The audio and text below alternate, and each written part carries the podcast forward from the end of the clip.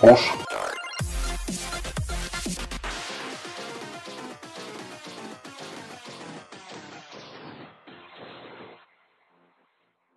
Halo, halo, dzień dobry, witamy wszystkich bardzo serdecznie w kolejnym epizodzie podcastu Push Start. Ja jestem Dariusz Wadariowoźniak i standardowo jest ze mną dzisiaj Patryk Jankowski Witam bardzo serdecznie, Miasto Gier. oraz Legwan. Cześć, witajcie, ja jestem Legwan. No i standardowo zaczniemy sobie dzisiejszy odcinek od szybkiego przeglądu newsów z miasta gier, które jak zwykle przygotował dla nas Patryk.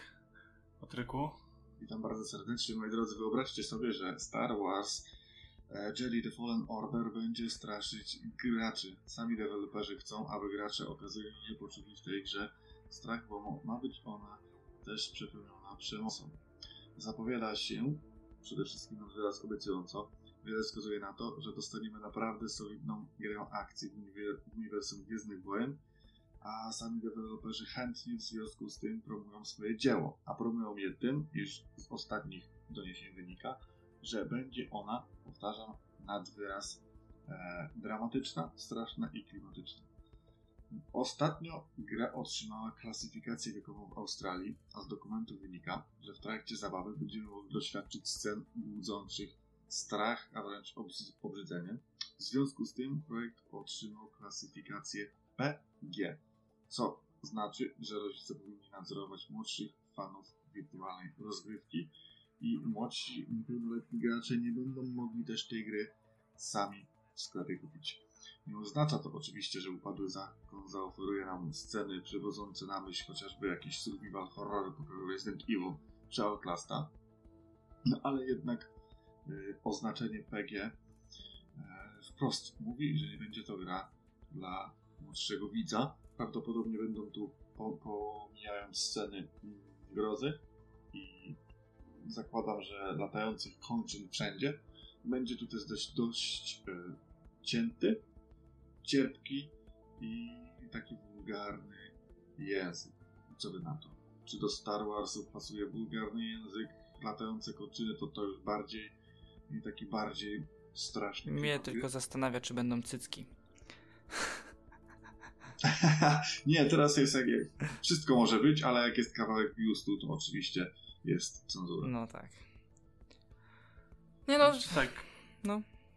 Znaczy ja osobiście y, bardzo cieszę się z kierunku, który ostatnimi czasy obiera Disney, bo e, coraz więcej tych produkcji nie jest już kierowana tylko dla takich najmłodszych widzów, czy dla e, rodzin z dziećmi, tylko już e, próbują robić content taki trochę bardziej dojrzały i osobiście, jeżeli chodzi o Gwiezdne Wojny, to ten Rogue One e, był troszeczkę mroczniejszy. To jeszcze nie było to, ale był trochę bardziej dojrzalszy. Tam już pokazywali no trochę tej śmierci, bo tak jak oglądam te Gwiezdne Wojny, za każdym razem poza ciechaniem robotów mieczami, to jednak nie bardzo widać, żeby ktoś tam umierał, a tutaj jednak te bitwy były trochę tak skrojone, że tam się trup ścielał gęsto i fajnie by było właśnie jakby te Gwiezdne Wojny, ten Fallen Order e, trochę w takie mocniejsze klimaty szedł.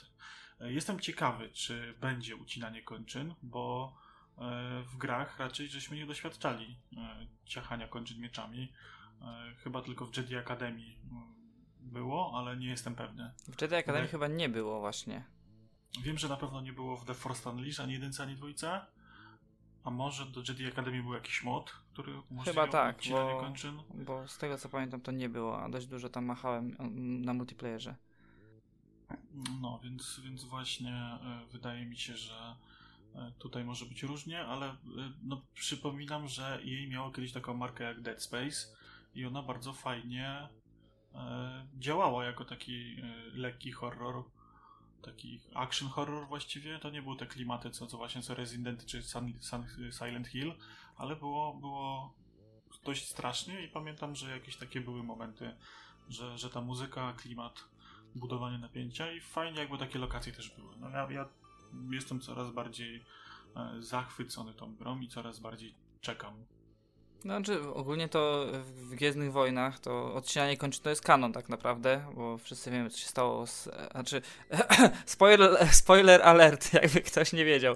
Co się stało z Anakinem po potyczce z Obi-Wanem, yy, bo... Yy, I to myślę, że można powiedzieć, że to była dość mroczna scena, pozostawiony w jeziorze lawy bez kończyn na pewną śmierć.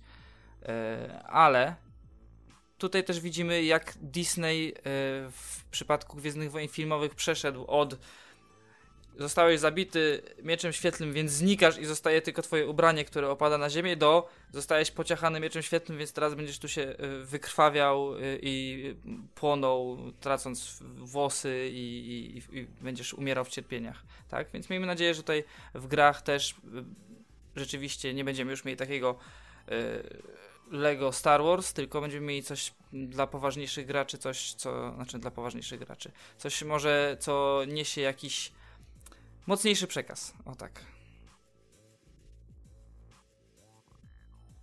Wyobraźcie sobie, że CD Projekt Red zdecydowało się na to, iż będzie robiło na zmianę odsłony Cyberpunka oraz Wiedźmina. Szefostwo CD Projekt Red oświadczyło, że po premierze Cyberpunk 2077 w przyszłym roku będzie się poruszać między opracowywaniem nowych tytułów z cyklu Cyberpunk, który się rozpoczyna, oraz Wiedźmina. Mimo, że przyszłoroczny debiut Cyberpunk 2077 to jeszcze pieśń przyszłości, bo wszystko może się zmienić i gra może nie dowieść, CD Projekt Red już patrzy w przyszłość. Dzięki wpisowi na Twitterze użytkownika Don't Plain stwierdzono, że polski producent będzie się zajmował opracowywaniem przyszłych tytułów e, dotyczących dwóch tych marek, na przemian Cyberpunk i Wiedźmin. Z kolei w innym miejscu na Twitterze wspomina się, że Redzi e, ma, mają ponad 950 pracowników, z czego 777, to akurat ciekawostka, pracuje dla studia, które robi gry wideo, a kolejne 176 dla Goga. Ponadto deweloper sprzedał więcej egzemplarzy Wiedźmina III w pierwszej połowie 2019 roku niż w podobnym okresie ubiegłego roku. Oznacza to, że sprzedaż marki może świadczyć o tym, iż zainteresowanie jest duże wciąż, mimo tylu lat po premierze i szkoda byłoby porzucać cykl tak dochodowy jak przygody, przygody Geralta z Rivi. Cyberpunk na zmianę z Wiedźminem co wy na to? Jak najbardziej tak. Ja się szczerze mówiąc tego spodziewałem i jakoś te słowa, które były po premierze e, dodatku tego Krew i Wino, że to już jest koniec historii e, Geralta i że oni więcej Wiedźminów nie zrobią i, i ten, to tak sobie myślałem, że no to jest takie trochę chrzanienie i nie zabija się kury noszącej złote jaja. E, mi się osobiście wydaje, że trochę teraz eksperymentują przy okazji Cyberpunka z kreowaniem własnego bohatera i wcale bym się nie zdziwił, jakby kolejny Wiedźmin już pozwolił nam wcielić się w jakiegoś mniej lub bardziej predefiniowanego bohatera.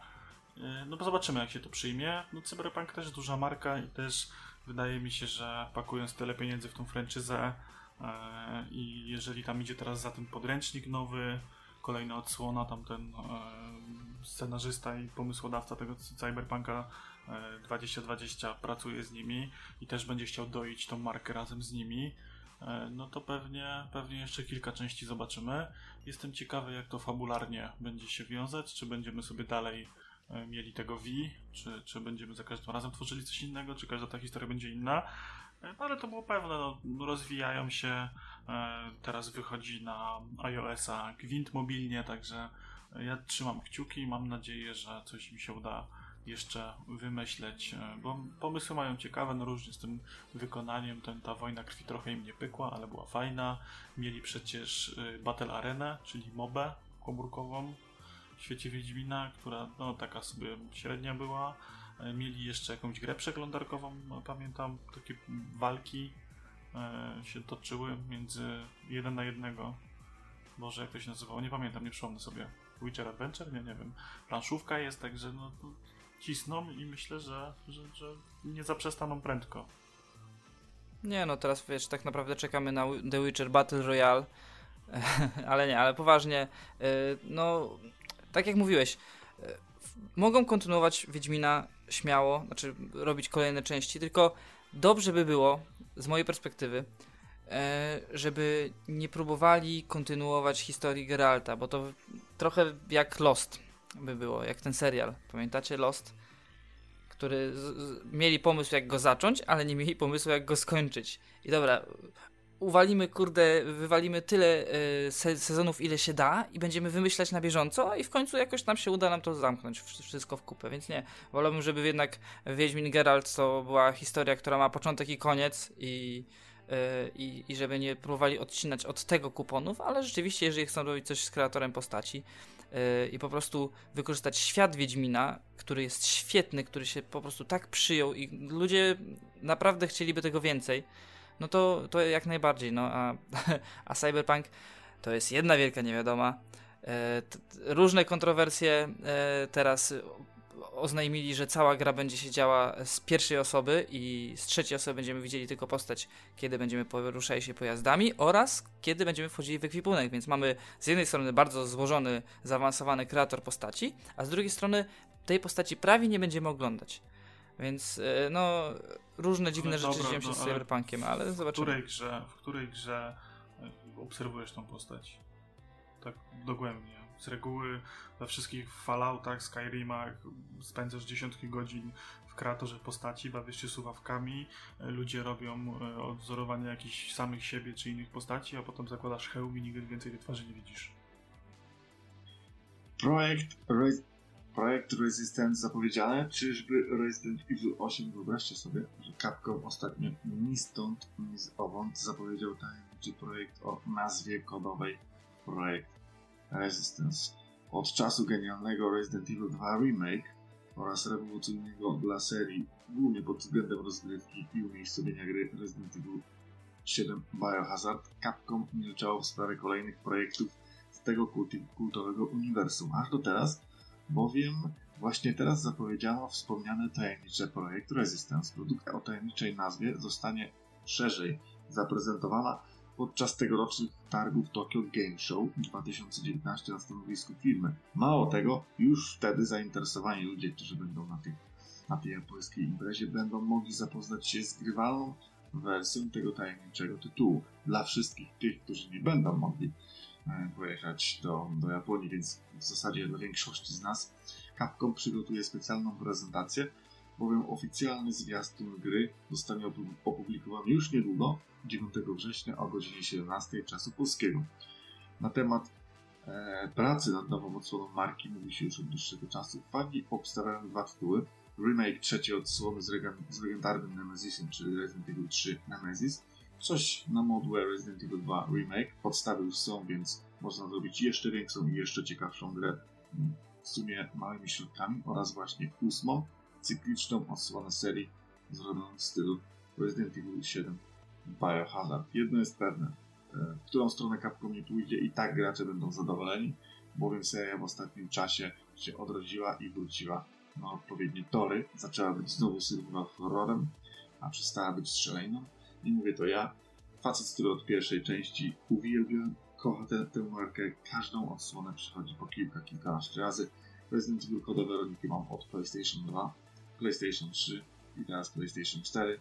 Nie odinstalowałem tego, kończę to, uwielbiam te gry i myślę, że, że jednak dostaniemy ósemkę, a dopiero na start nowej generacji Resident Evil 3 Remake, ale obym się mylił, bo wiem, że wielu ludzi, również na Twitterze, chciałoby jeszcze jednej marki, powrotu jeszcze jednej marki Capcomu, to znaczy Dino Crisis. Czy wy w ogóle chłopcy jesteście fanami Capcomu czy w ogóle jesteście fanami e, marki e, Resident Evil? No ja jakoś tak za Capcomem, żebym jakoś fa fanboyował, to niekoniecznie. Residenty lubię, nie we wszystkie grałem. E, no, seria fajna. I wydaje mi się, że, że to będzie też ósemka, że jednak tak remake po remake'u to byłoby bez sensu, że najwyższa pora na kolejną odsłonę. I ja się wcale nie dziwię, że oni jakoś tego tak wcześniej nie zapowiadali, skoro tam sobie prace trwały. E, ja osobiście nie jestem fanem tego na przykład, co robi CD Projekt, czy co robią inne studia, czyli zapowiadanie, że robimy jakąś grę dużo, dużo przed jej premierą, e, bo nie dość, że śmiesznie wygląda potem ten hype'owy marketing i próbowanie cały czas utrzymywanie tego zainteresowania wokół tej gry i wypuszczanie bzdurnych newsów i tak dalej, to też ludzie trochę zapominają, że, że, że ta gra jest. No ktoś tam złoży preorder e, i, i tak dalej. Mi się osobiście najbardziej podobało to, co zrobił e, to, co zrobiła Bethesda w przypadku Fallouta 4, e, że zapowiedzieli go na E3, pokazali go na E3, a zaraz na jesieni już można było go kupić i to uważam, że to jest najlepszy sposób na e, prowadzenie marketingu e, i dopiero pokazanie gry, która faktycznie jest gotowa, jeżeli można w nią zagrać, można ją pokazać i za chwilę można ją kupić, a takie robienie, e, że, że ona jest, że tu macie filmik, tu macie trailer, tu macie jak gra dev, a zagracie może kiedyś, to, to uważam, że to jest bez sensu i tutaj to trzymam kciuki. Trzymam kciuki, żeby im się to powiodło. Niech się ta marka rozwija, bo, bo miała troszeczkę ostatnio pod górkę i gorzej. No, to ja się na temat Resident Evilów nie wypowiem w ogóle. E, no bo kompletnie serii nie znam, mm, nie wiem, wydaje mi się, że grałem coś na PlayStation 1, ale nie pamiętam, może nie, może, może po prostu mam jakieś e, wyobrażenie, e, ale no mówię, no kompletnie nie wiem, nie znam się, no też mogę im tylko życzyć dobrze, ponieważ wiadomo, że jest to marka legendarna, i dla bardzo wielu, na przykład dla Patryka i dla bardzo wielu innych ludzi jest bardzo cenna, bardzo ważna, a może też kiedyś zagram i, i się zakocham. E, fajnie, żeby, żeby to jednak powstawało. A ostatnim newsem jest chyba coś, co powinno zainteresować fanów przygodówek. Mianowicie Telltale Games powraca jak Feniks z popiołów i to w ogóle bez żadnego szumu medialnego. Upadek Telltale Games był jednym z najgłośniejszych wydarzeń w branży w 2018 roku. Autorzy wielu świetnych przygodówek najzwyczajniej w świecie zbankrutowali. Teraz jednak powracają do żywych. Studio zostało wykupione przez zewnętrzną firmę, firmę LCG Entertainment. Wspomniana spółka wykupiła licencje, aktywa i znaki handlowe należące do Telltale Games. Na czele studia staną Jamie Ottill oraz Brian Waddle, założyciele nowego, założyciele nowego właściciela. Studio będzie kontynuowało tworzenie gier pod szyldem właśnie Telltale Games. Co ważne, nowy właściciel zapowiedział, że część byłych pracowników starego Telltale znajdzie zatrudnienie w odrodzonej ekipie. Nie wiadomo jednak, jak duża część zespołu powróci do swoich biurek. Warto też dodać, że najbliższe pół roku studio poświęci na, na przygotowanie nowych technologii. Zapewne chodzi o zrewitalizowanie skostniałego silnika. Poinformowano też, że zmieni się sposób dystrybucji gier. Być może porzucona zostanie forma odcinkowa, która raczej nie sprawdziła się na dłuższą metę. I co wy na to? Czyli klepacze gier na jednym silniku, wszystkich takich samych, rzuconych po prostu inną, inne uniwersum, rzadko swoje, a najczęściej na licencji, mają w ogóle jeszcze jakąś rację bytu. Ja osobiście od siebie dodam, że ich gry nigdy mnie nie porywały. Były dla mnie do bólu powtarzalne. Okej, okay, The Walking Dead pierwszy sezon był jeszcze spoko, był jeszcze fajny, ale inne gry. Dla mnie to było wklepanie tego samego i to na potęgę. I wydaje mi się, że w tych odcinkach to wszyscy się pogubili. Było to dla mnie zupełnie niejasne, było tych gier tak dużo, edycji było tak dużo. Fan pewnie nadążał, ale taki zwykły postronny gracz jak ja, po pewnym czasie mi to znudziło, bo jakiej, jakiej gry oni zapowiadali, to ja wiedziałem mm, tak naprawdę jak to będzie wyglądało, jak to będzie wydawane i z czym to się będzie jadło. Te gry były po prostu powtarzalne, ale może teraz um, nabra, nabrali rozumu może jakoś się zainspirowali na nowo i coś nowego na rynek wprowadzą. Co wy na to w ogóle jest dla nich jeszcze miejsce? Wiesz co, myślę, że jest dla nich miejsce i to na takiej pięknej platformie na przykład jak Netflix, e, bo e, jakiś czas temu Minecraft, ten The Story Mode, trafił na, na Netflixa i to się naprawdę fajnie w to ogląda, gra. Super sprawa. Polecam, jeżeli ktoś, ktoś ma, a nie widział.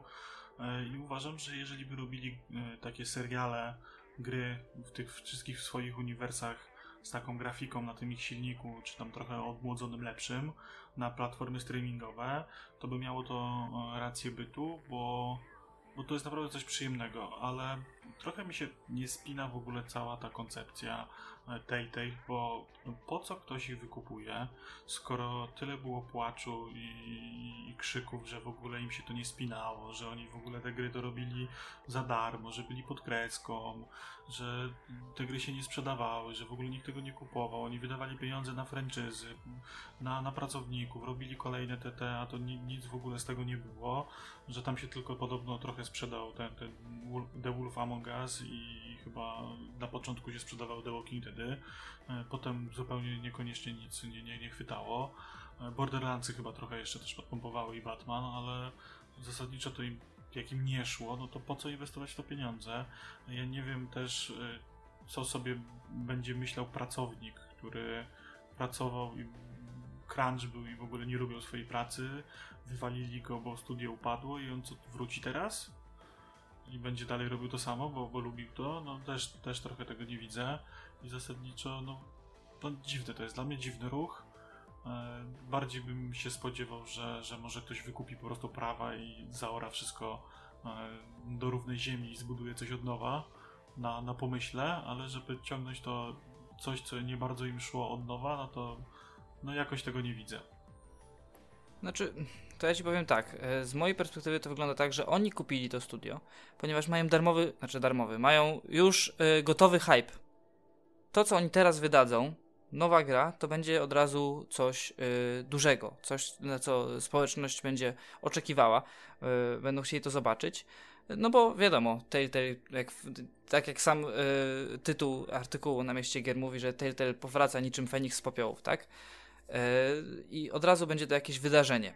Y, I czy jest miejsce na takie gry? No, do mnie one nigdy nie przemawiały, może, może nie ze względu na to, że były odcinki i, itp. itd., tylko głównie dlatego, że mnie nigdy nie kręciły gry oparte na quick time eventsach, e, które są główną mechaniką tak naprawdę tych Telltale wszystkich. E, ale myślę, że jest wiele osób, które by chciały taki interaktywny serial. I może rzeczywiście, może rzeczywiście na Netflixie jest bardziej miejsce niż na Xboxie dla takich tytułów, ale. Mm, ale myślę, że przekonamy się, co oni z tym zrobią. Na pewno będą musieli zmienić model biznesowy, czyli właśnie pozbyć się tych, tych odcinkowych wydawnictw i tak dalej, i tak dalej. E, I spróbować zrobić po prostu pełnoprawny tytuł. E, czy będą na jakiejś tam już e, gotowej licencji, czy może stworzą coś własnego, to się wszystkiego dowiemy z czasem. To co, przechodzimy do tematu odcinka. Tematu odcinka o którym opowie nam pomysłodawca tego też tematu odcinka, Oleg Van. Facet, strategia. Po prostu, tak jak mówi się o niektórych kobietach, jak na przykład o mojej Alicji. To jest, zawsze mi mówię, ty jesteś jak ta bateria słoneczna lub jesteś moją kobietą instytucją. To tak ty jesteś człowiekiem strategią. O czym dzisiaj będziemy rozmawiać? Dzisiaj porozmawiamy o grach strategicznych, tak jest. E, I e, w ogóle mamy jeszcze coś mamy z, o, na temat strategii z Gamescomu, który był niedawno, nie? No tak się akurat spięło, że miał być odcinek specjalny o Gamescomie, ale podczas produkcji agendy do odcinka okazało się, że y, jedyne dwie nowe rzeczy, o których jeszcze nikt za dużo nie wiedział, albo za dużo nie było pokazane na E3, to byli Settlersi i Wasteland Trójka. Trochę więcej pokazali i to były jedyne dwie rzeczy, które nas interesują i stwierdziliśmy, że na pełny odcinek to trochę tak biednie. No, ale widzicie, ale już mamy strategię, e, na przykład sami Settlersi, bardzo fajnie, e, data premiery na, na tą jesień, tak? W tym no, roku już. Ja się jaram jak po prostu kościół w Norwegii. Dawno, Zobaczymy. Dawno, dawno, się tak nie ucieszyłem. Tego nie znałem. Dawno się tak nie ucieszyłem na, na, na powrót Settlersów. Oj tak, no zobaczymy, czy będą mieli ten urok, yy, bo ostatnio sobie grałem w tą edycję, która była na wydana na Settlersi dwój, dwójka wydani na dwudziestolecie chyba, czy na coś takiego było. Skurde, jak się dobrze w to grało. O matko, z tą odświeżoną grafiką. Rany, zobaczymy, co ci Settlersi nam dowiozą. E, ale mówiąc o strategiach, no to tak, to mamy.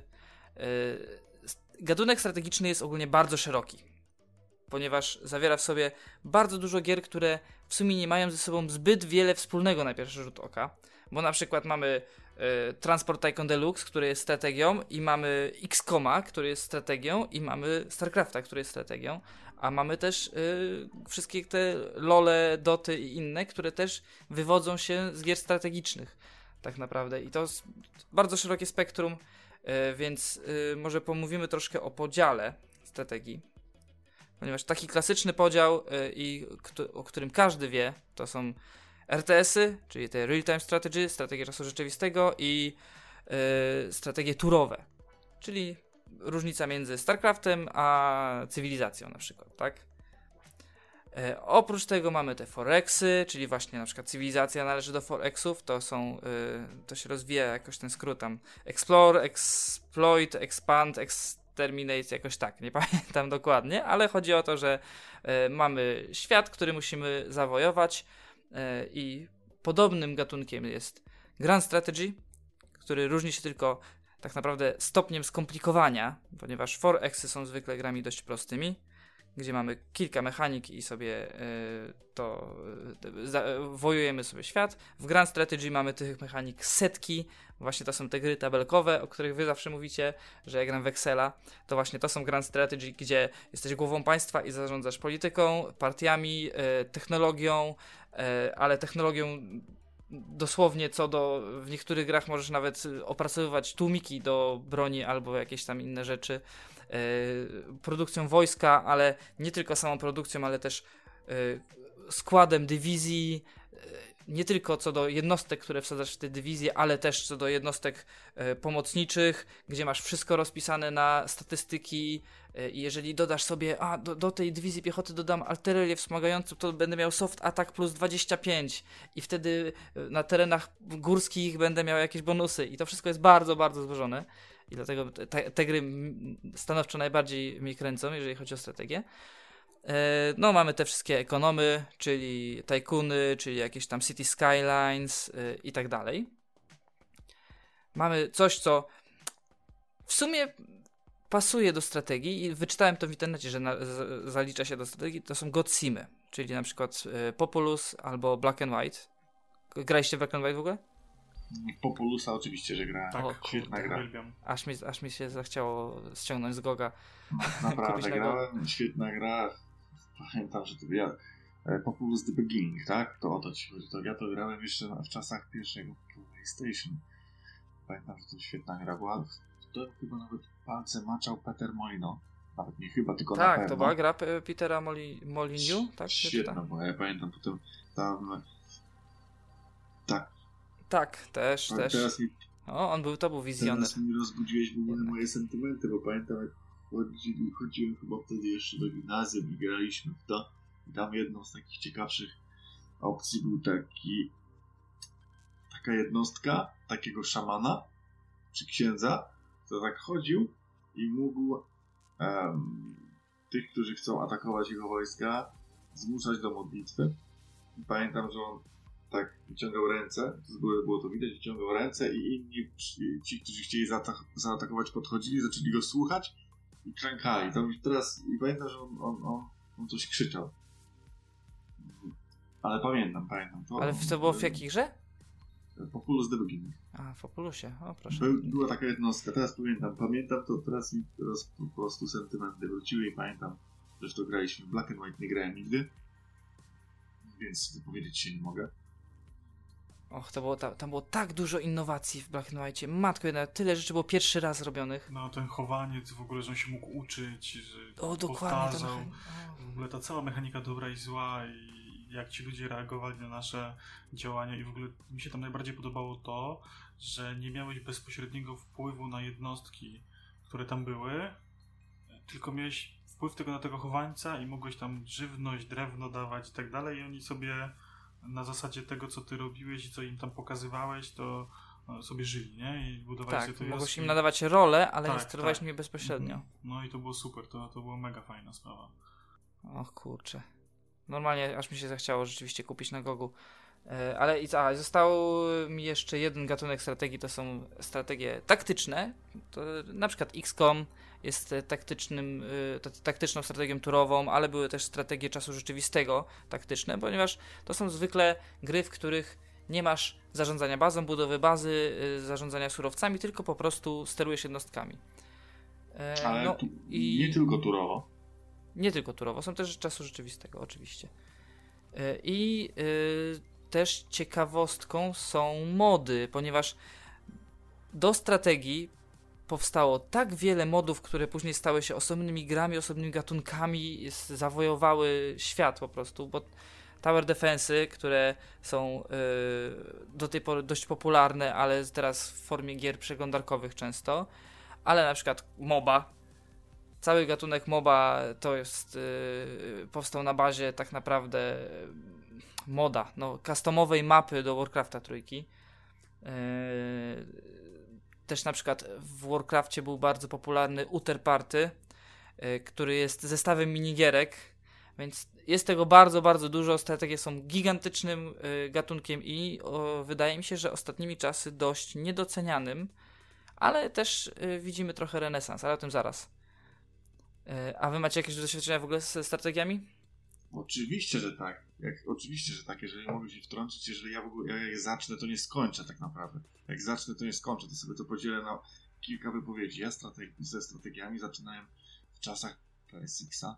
Jedną z pierwszych w ogóle z jakimikolwiek miałem kontakt, to było demo, to była taka bardzo stara gra, Z Steel Soldiers. To była jeszcze taka, od, taka strategia od góry, ale wydaje mi się, że to nawet było dwuwymiarowe. To nie było zbyt piękne, bardzo stare i to była pierwsza strategia, w którą grałem. Później oczywiście był pierwszy Command and Conquer oraz Red Alert na PSX. To była gra jeszcze na dwóch płytach, pamiętam. I pamiętam, że mogliśmy też grać w grę Doom 2000, e, jak zlinkowaliśmy dwie konsole PlayStation takim specjalnym kablem. Mieliśmy dwa telewizory z kumplem. E, graliśmy u niego zamiast chodzić do szkoły, to graliśmy na dwa telewizory w 2000, ale w Red Alerta pierwszego również można było grać e, w taki sposób we dwóch. No cudowne czasy i cudowne gry. I wtedy też jakby ja przyjąłem taki schemat, co to w ogóle, nauczyłem się co w ogóle są za strategie RTS-y, to znaczy trafialiśmy na mapę, rozpoczynaliśmy misję, budowaliśmy ten główny budynek i od tego głównego budynku budowaliśmy różnego rodzaju elektrownie, czy miejsca, rafinerie rozbudowywaliśmy, na przykład, nie wiem, do miejsca do budowy czołgów, do koszary.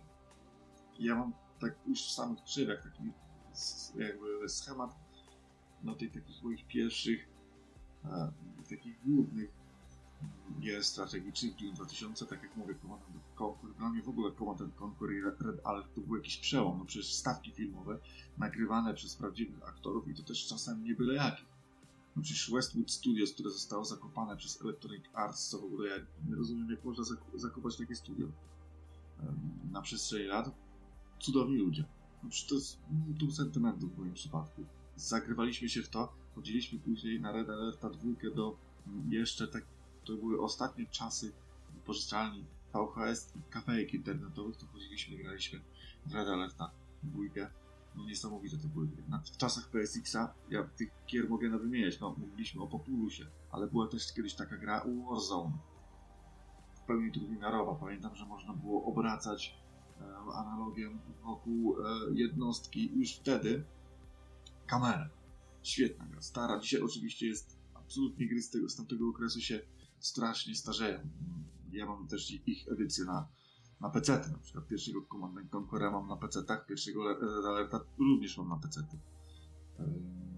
No tyle ode mnie z tych takich pierwszych wspominek, jak ja zaczynałem, no a później przejdę do tych takich ciekawszych, jeszcze ciekawszych gier, bo, bo mam ich naprawdę sporo. Doświadczę ze strategiami, bo uważam, że to niegdyś był szlachetny, wręcz królewski gatunek, a dzisiaj jest takim gatunkiem w cieniu. W cieniu FPS-ów i gier, gier akcji.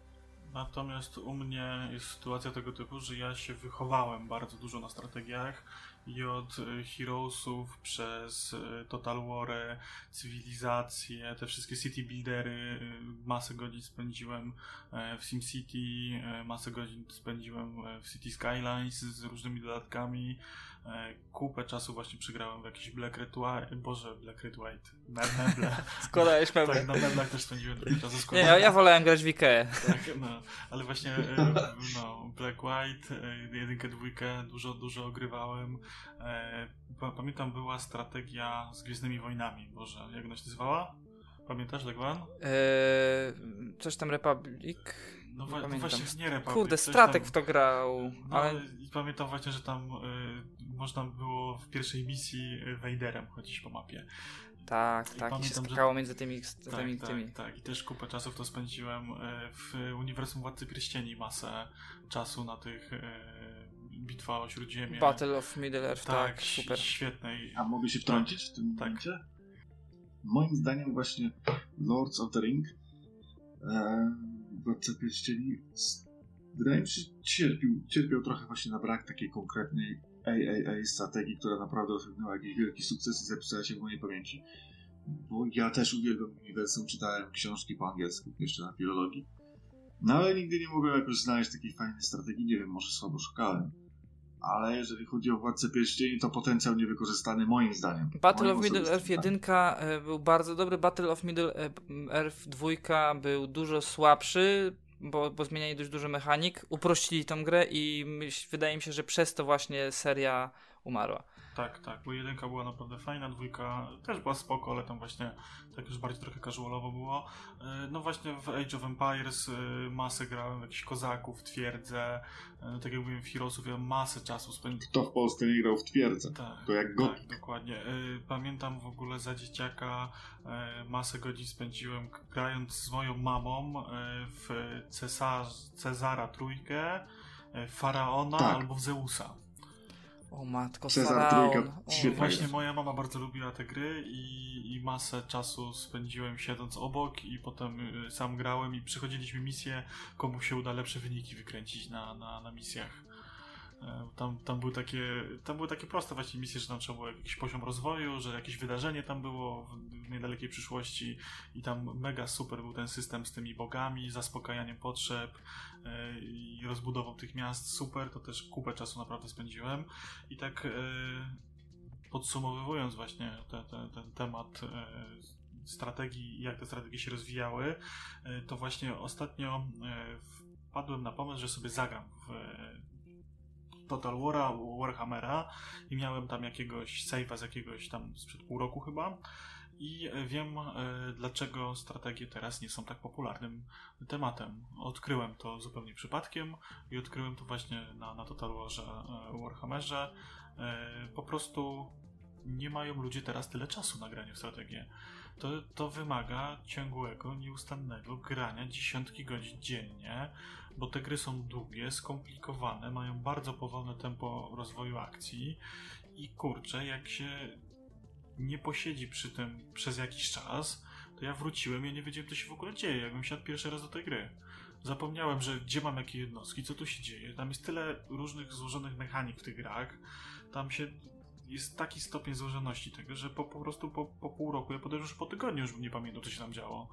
Więc w dzisiejszych czasach, kiedy ludzie mają mało czasu yy, i liczy się te, każda sekunda, to odpalenie meczu w Overwatchu na 15 minut, czy innym Call of Duty, yy, czy jakiś Battle Royale sobie odpalić na chwilę, yy, czy nawet przejść misję w jakimś FPS-ie, to jest zupełnie co innego, inny poziom zaangażowania niż siąść na parę godzin do strategii. I wydaje mi się, że dlatego e, ludzie nie grają tak dużo w tę strategię teraz. Ja wiem, no, tak jak mówię po sobie, że ja bym chciał, bo ja bardzo kocham ten gatunek, ale ja wiem, że po prostu to nie ma sensu. Siadanie do jakiejkolwiek gry strategicznej przy moim aktualnym zagospodarowaniu czasu na nagranie jest totalnie bezsensowne, bo ja nie będę pamiętał, co tam się dzieje po prostu. I dlatego w Total War'ach gra się w bitwy, a nie w kampanię. W kampanię to oczywiście można grać, ale jeżeli masz szczerą wolę spędzić najbliższy miesiąc y, cztery razy w tygodniu siedząc po 3 godziny i grając y, w danego Total War'a. No A jeżeli nie, no to właśnie. odpalasz sobie bitewkę albo dwie, grasz sobie po 15-20 minut każda w internecie i wyłączasz i nie musisz pamiętać, gdzie były twoje jednostki, jakie miałeś skille rozdane, bo każda bitwa to jest zupełnie osobna historia. Y, Więc y, Total War akurat dają taką możliwość i dlatego ten najnowszy Total War, ten, który odbywa się w Chinach, pobił rekordy sprzedaży, których już od dawien dawna e, Total War nie pobijały. I one są na takim trochę e, wietrze wznoszącym, e, ponieważ e, Warhammer 1 był dużym sukcesem. Warhammer 2, mimo że jak dla mnie był złym rozwiązaniem marketingowym, to też był bardzo dużym sukcesem, bardzo popularna gra. I teraz, kurde, przywalili tymi Chinami, biją rekordy popularności, rekordy graczy yy, naraz zalogowanych do gry. Yy, po prostu bardzo dobrze idzie Sedze yy, i Creative Assembly i tylko trzymać za nich kciuki, żeby z tych totalorów jeszcze coś było, ponieważ tak naprawdę wydaje mi się, że to jest w tym momencie chyba jedna z najpopularniejszych serii strategicznych Takich Total War, którzy no, mieli, mainstreamie mieli to spore problemy i teraz tak wyszli do przodu, bo, bo co jeszcze? Jakie są jeszcze w tym momencie popularne strategie? Znaczy takich, wiesz, w mainstreamie to nie ma, no ale, Cywilizacja. no, ale ta, ta, ta ostatnia cywilizacja była średnia i też myślę, że już ona tak za bardzo nikogo. No teraz te, te, te Crusade, Crusade, Crusader Kingsdom, Crusaders Kingsdom i co tam jeszcze było? To co ty tam grasz teraz, ten, e, o tych, tych, druga wojna światowa, dobrze, uciekła mi nazwa znowu.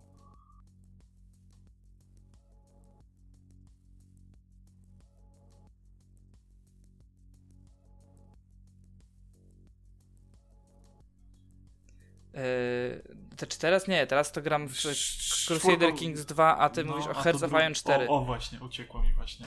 No to myślę, że to są teraz takie marki, które się sprzedają, ale mainstream to myślę, że to nie jest. No, No Tylko nie, to- Total, Total War. Paradoksy to nie, to gry paradoksu to nie są gry mainstreamowe, to są gry, które są kosmicznie skomplikowane i żadna cywilizacja, żaden Total War nie są nawet blisko poziomu skomplikowania, więc one są, y, one angażują y, małe grono y, graczy, ale ci gracze są bardzo zaangażowani w niej, są głośni, jest to mała grupka, którą głośno słychać w internecie, dlatego się właśnie wydają sły- słychać popularne. o tym, no bo tak to, to nic innego, no EA zabiło no, te komandery konku- konku- konkurenty, Red Alerty i tego w ogóle nie ma. To cywilizacja moim zdaniem szóstka, porażka totalna. E, Dalej gram w piątkę i piątka mi się bardziej podoba. E, No EA miało SimCity, no, wiemy jak to się skończyło. No znowu Paradox ma City Skylines, który się świetnie rozwija i świetnie się w to gra. E, Jest jeszcze Anno od Ubisoftu, które jest, to jest inna gra, oczywiście, ale jest bardzo rozwinięte i bo każde, co, co, moim zdaniem, co następne Anno, to jeszcze lepsze od Tak, to akurat prawda, ale to też jakoś tak bardzo to jest głośno tylko przez chwilę przy premierze, a potem ludzie jakoś o tym dość szybko zapominają. E, To te wszystkie tajkuny, ale to jest bardzo wolna, wąska grupa odbiorców i coś tam cały czas wychodzi. Jakiś tam ostatnio Jurassic Park chyba był i Tak. też jakoś tak bez echa to przeszło. Tycoon teraz jakieś... No, Zoo, tak, Tycoon też chyba teraz wychodzi, czy już wyszedł, też nie wiem, też mi to umknęło. E, No, Heroesów dawno nie ma i ostatni też pogrzebali. Do Settlersi wracają, to mnie akurat cieszy. To, to, to była gra, którą bardzo lubiłem. No i, i tyle chyba. Age of Empires, tam jakaś ostatnio była edycja chyba HD, zbiorcza Tak. wszystkich. Remaster, no. Tak, remaster wszystkich i jestem ciekawy, czy coś pociągną w, w temacie z marką dalej. Wychodzi y, remake Warcrafta trzeciego, tak? No takie tak. o- odświeżają wszystko. No, odświeżają. StarCraft dostał... Ale warto jest jeszcze chwilę, jeżeli mogę, Poczekaj, bo jeszcze a propos, y, StarCraft dostał jakiegoś patcha ostatnio, y, troszeczkę wpływającego na balans i widzę, że esportowo trochę odżyło to ostatnio, że znowu się zaczął oglądać ten... y, No i też jest free to play, więc Tak, ale wiesz, bo on się słabo, tak jak żeśmy rozmawiali, on się słabo oglądał, bo te mecze bardzo krótko trwały. A teraz coś tam, coś tam pozmieniali w balansie i ostatnio e, zaczęły mi się polecać jakieś filmy z turniejów i widzę coraz większe zainteresowanie, że jest taki duży pik y, StarCraftem ostatnio. miejmy nadzieję, bo StarCraft to jest w ogóle temat na podcast jako e-sport. E, Ale właśnie, e-sporty, bo tak naprawdę StarCraft spopularyzował e-sport w ogóle. No, nie mówię, że był to pierwszy e-sport, bo były jakieś tam turnieje lokalne, jakieś tam Street Fightery na automatach i itp. itd., ale tak naprawdę sukces StarCrafta w Korei, który później zaczął się odbijać na zachodzie, to, że to było w telewizji, to, że to były e, olbrzymie lany i że były turnieje online, to to był ojciec współczesnego esportu tak naprawdę. StarCraft 1, Brood War tak naprawdę. E, później wszedł StarCraft 2 i Warcraft 3 e, i oba też były gigantycznymi sukcesami, no tylko, że Warcraft się zestarzał, a StarCraft wydaje mi się, że przespał y, swój. przespał y, świt gier free to play. O tak. świt, e, świt esportów free to play. Więc e, no niestety. A, a później już były takie sytuacje, że przeszli na właśnie, tak jak mówiłeś, przeszli na free to play, ale e, balans był skopany, ponieważ Star, do StarCrafta były dwójki, były trzy dodatki. Yy, I yy, nie wiem, dwa dodatki, bo pierwszy to był Wings of Liberty, no to, tak? To, to, I, były, i znaczy to były osobne gry tak naprawdę, tak? Sprzedawane tak, oddzielnie. Tak, no. tak. No, tylko że, tylko że gracze przesiadając się na kolejne gry znowu uczyli się mety i to wszystko bardzo rozbalansowywało, zamiast kontynuować jedno znaczy, i rozwijać. To, no to... to było spoko, bo wprowadzali, wprowadzali ci nowe jednostki, nowy balans i trzeba było tak jakby od nowa budować to właśnie tą metę.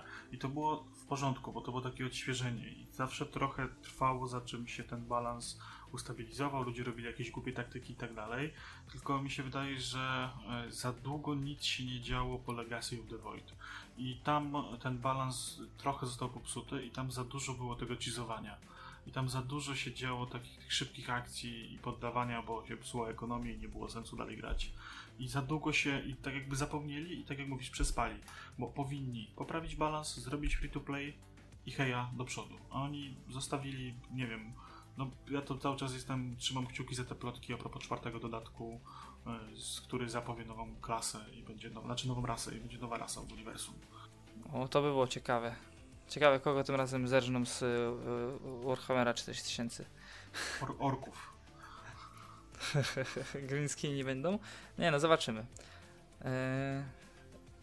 Ale tak, o, jeszcze możemy porozmawiać, yy, ponieważ już o tym troszeczkę chyba Patryk wspomniał. Ponieważ strategie, jakby nie patrzeć, ich główną platformą, gdzie najbardziej yy, rozkwitają i najłatwiej się w nie gra, to jest myszka i klawiatura, czyli to jest PC. I no, myślę, że nikt nie będzie Właśnie się z tym kłócił. Nich chciałem jeszcze chwilę, chwilę, chwilę porozmawiać. Chciałem generalnie skupić się na tych, jakie po przesiadce z PlayStation na PC, jak, w jakie gry zacząłem grać właśnie strategiczne FPS-y, a te kilkanaście, dziesięć, kilkanaście lat temu było wiele świetnych gier, które się dobrałem do dzisiaj. Na przykład, nie wiem, czy ktoś z Was pamięta, moim zdaniem to jest Richard, Richard Burns Rayleigh gier strategicznych. Kiedyś była taka gra wydana przez Codemasters, nazywała się Soldiers, Ludzie Honoru. No oczywiście, a później Men of War. To, to, było, to było przekonkretne. Ja pamiętam jak, jak, jak to grałem, jaki to, na to był hype w CD Action. Jak w to grałem, jak to pierwszy raz odkryłem, jak zobaczyłem realizm tego pola bitwy, fizykę wystrzeliwania pojazdy, pocisków, to, że mogliśmy gasić swoje pojazdy i to też, cała ta gra odwróciła do góry nogami moje pojęcie o grach strategicznych. Tu nie było bazy, tutaj nie było rozbudowywania jakby swojego e, swojego obozu, tutaj otrzymywałeś jednostki na starcie, mogłeś się jakoś tam przeszkolić i one awansowały dalej, ale otrzymywałeś konkretną liczbę jednostek i musiałeś sobie poradzić z celami bitwy. No dla mnie to był kosmos i rewolucja i bardzo dobrze, że coś takiego się stało, że taka, taki subgatunek strategii albo taka formuła strategii się pojawiła wraz z nadejściem Soldiers, bo później było tylko lepiej. Pamiętam ten tytuł bardzo dobrze i pamiętam, że on do dzisiaj jest grywalny, do dzisiaj jest trudny i tam naprawdę ja ten tytuł przechodziłem po kilkukrotnie, bo lubię w takich grach, powiem już tak kolokwialnie, rozkminiać, to znaczy przechodzić każdą misję może na inny sposób. I później było wiele innych takich gier. W międzyczasie grałem też chociażby w taką markę Codename Panzers mam ją i nawet publikowałem na Twitterze mm, edycję ze złotej, znaczy wydanie ze złotej edycji, gdzie miałem tam, gdzie mam tam dwie odsłony. Codename Panzers również świetna gra.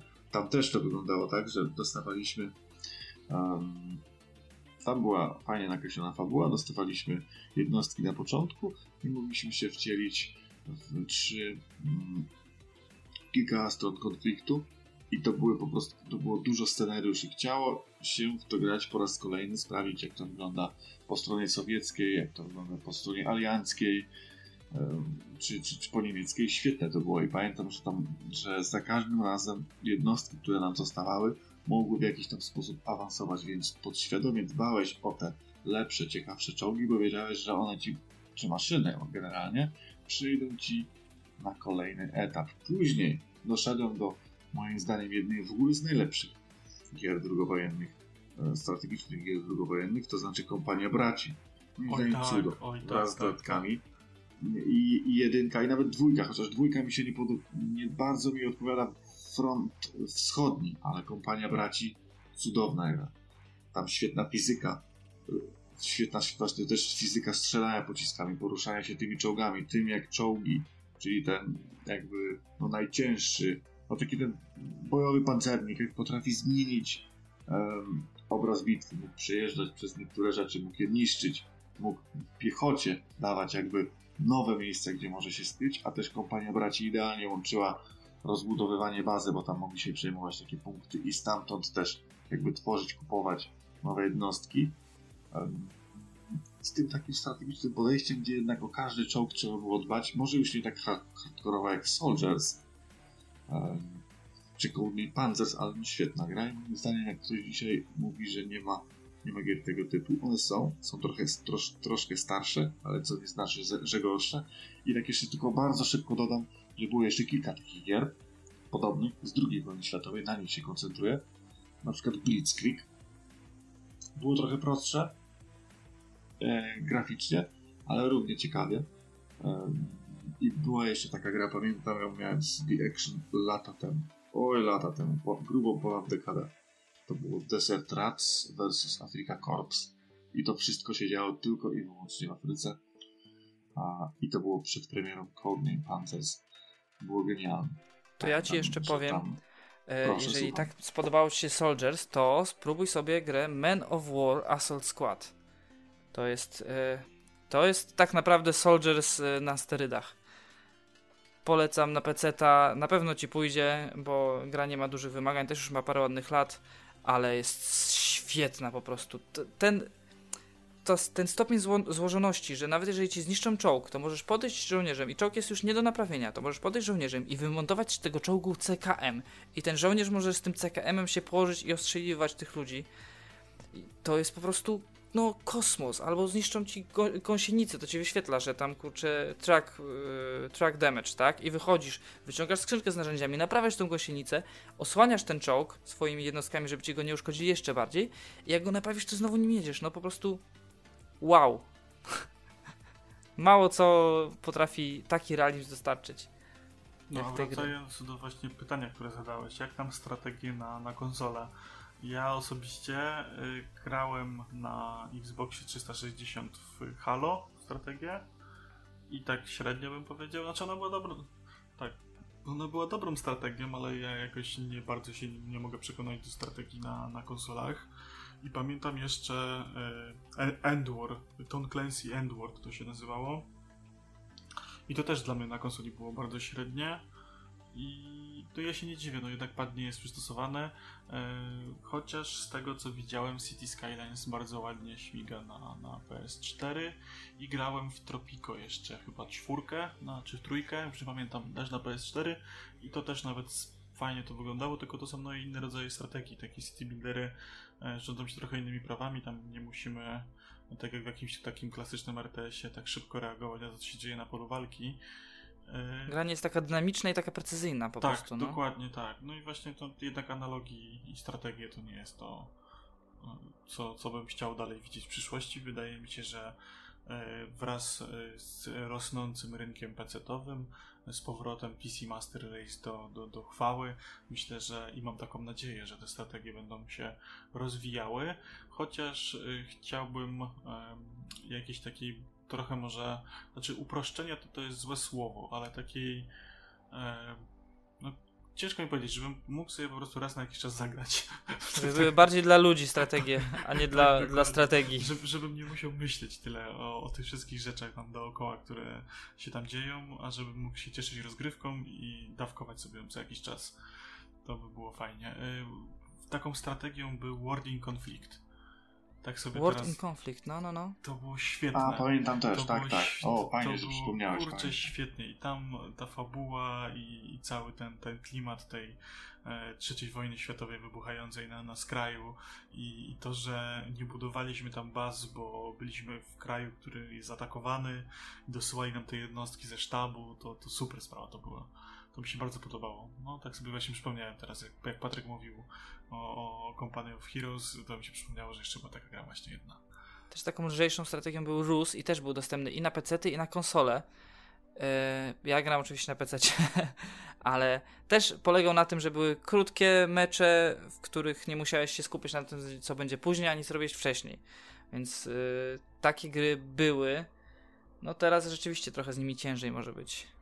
No to jeszcze Ponieważ... powiedz na, na sam koniec okiem specjalisty tabelkowego, excelowego, jak ty widzisz dalej ten rynek? Czy, czy, czy powstanie będzie jakiś taki renesans?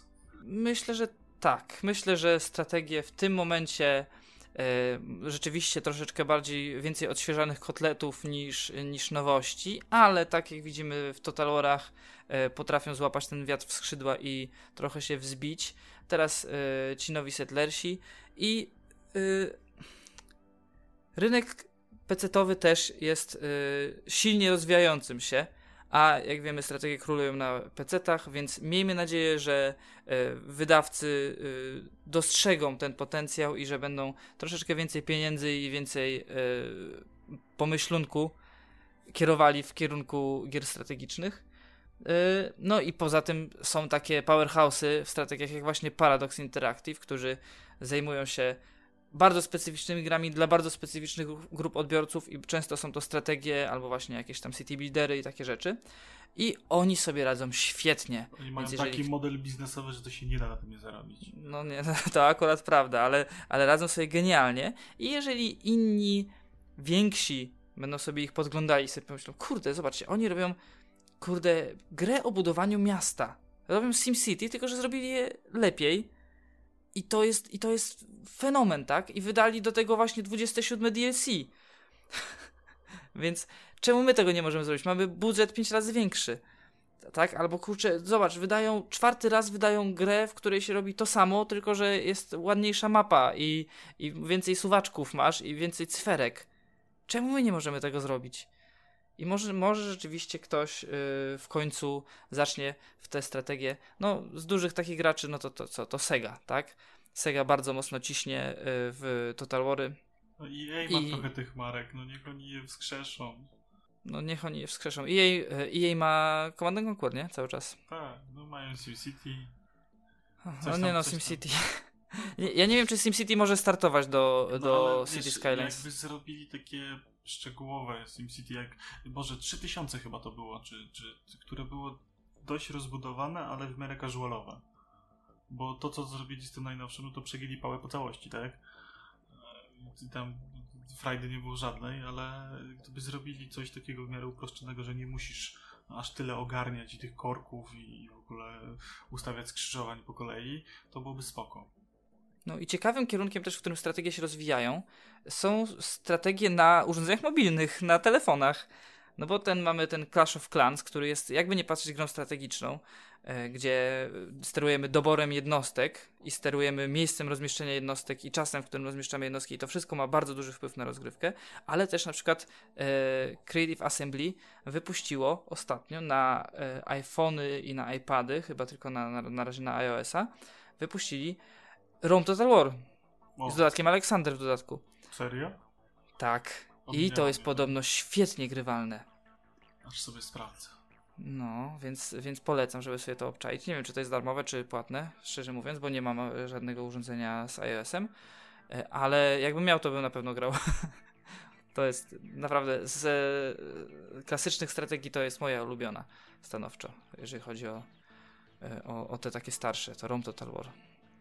To jeszcze na koniec może Patryk, dwa słowa na temat jeszcze strategii.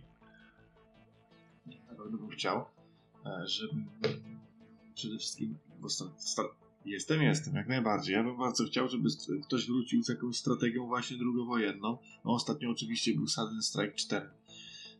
Ale chciałbym przynajmniej, żeby wróciła ta kompania braci. Bo to marka silna, fajna, popularna. Nie byłoby jakiegoś większego pro problemu, żeby to ulokować wypromować i żeby gracze chcieli w to, w to grać. Oczywiście powód Command Conquer jest raczej taką melodią bardzo dalekiej, wręcz niepewnej przyszłości. A, a strategii fantazy mm, czy tych takich sim builderów jednak tam kilka jest. Ja, ja od jakiegoś dłuższego czasu odkładam tam drobne fundusze na, nowego PC, bo bardzo mnie interesuje to nowe Anno. To i poprzednie no właśnie z tęsknoty za strategiami. A, a, a, a za, strategiami drugowojennymi bardzo tęsknię, ale no ale jedyne co, co mogę teraz powiedzieć to to, że jeżeli ktoś tak samo tęskni jak ja, to może się posiłkować no, trochę starszymi tytułami. Ja w ogóle nie widzę gier na, na, na telefonach, nie wiem, może jestem jakimś dinozaurem. Aha, miałem tego nie mówić, ok. Ale ja nie lubię grać na telefonach.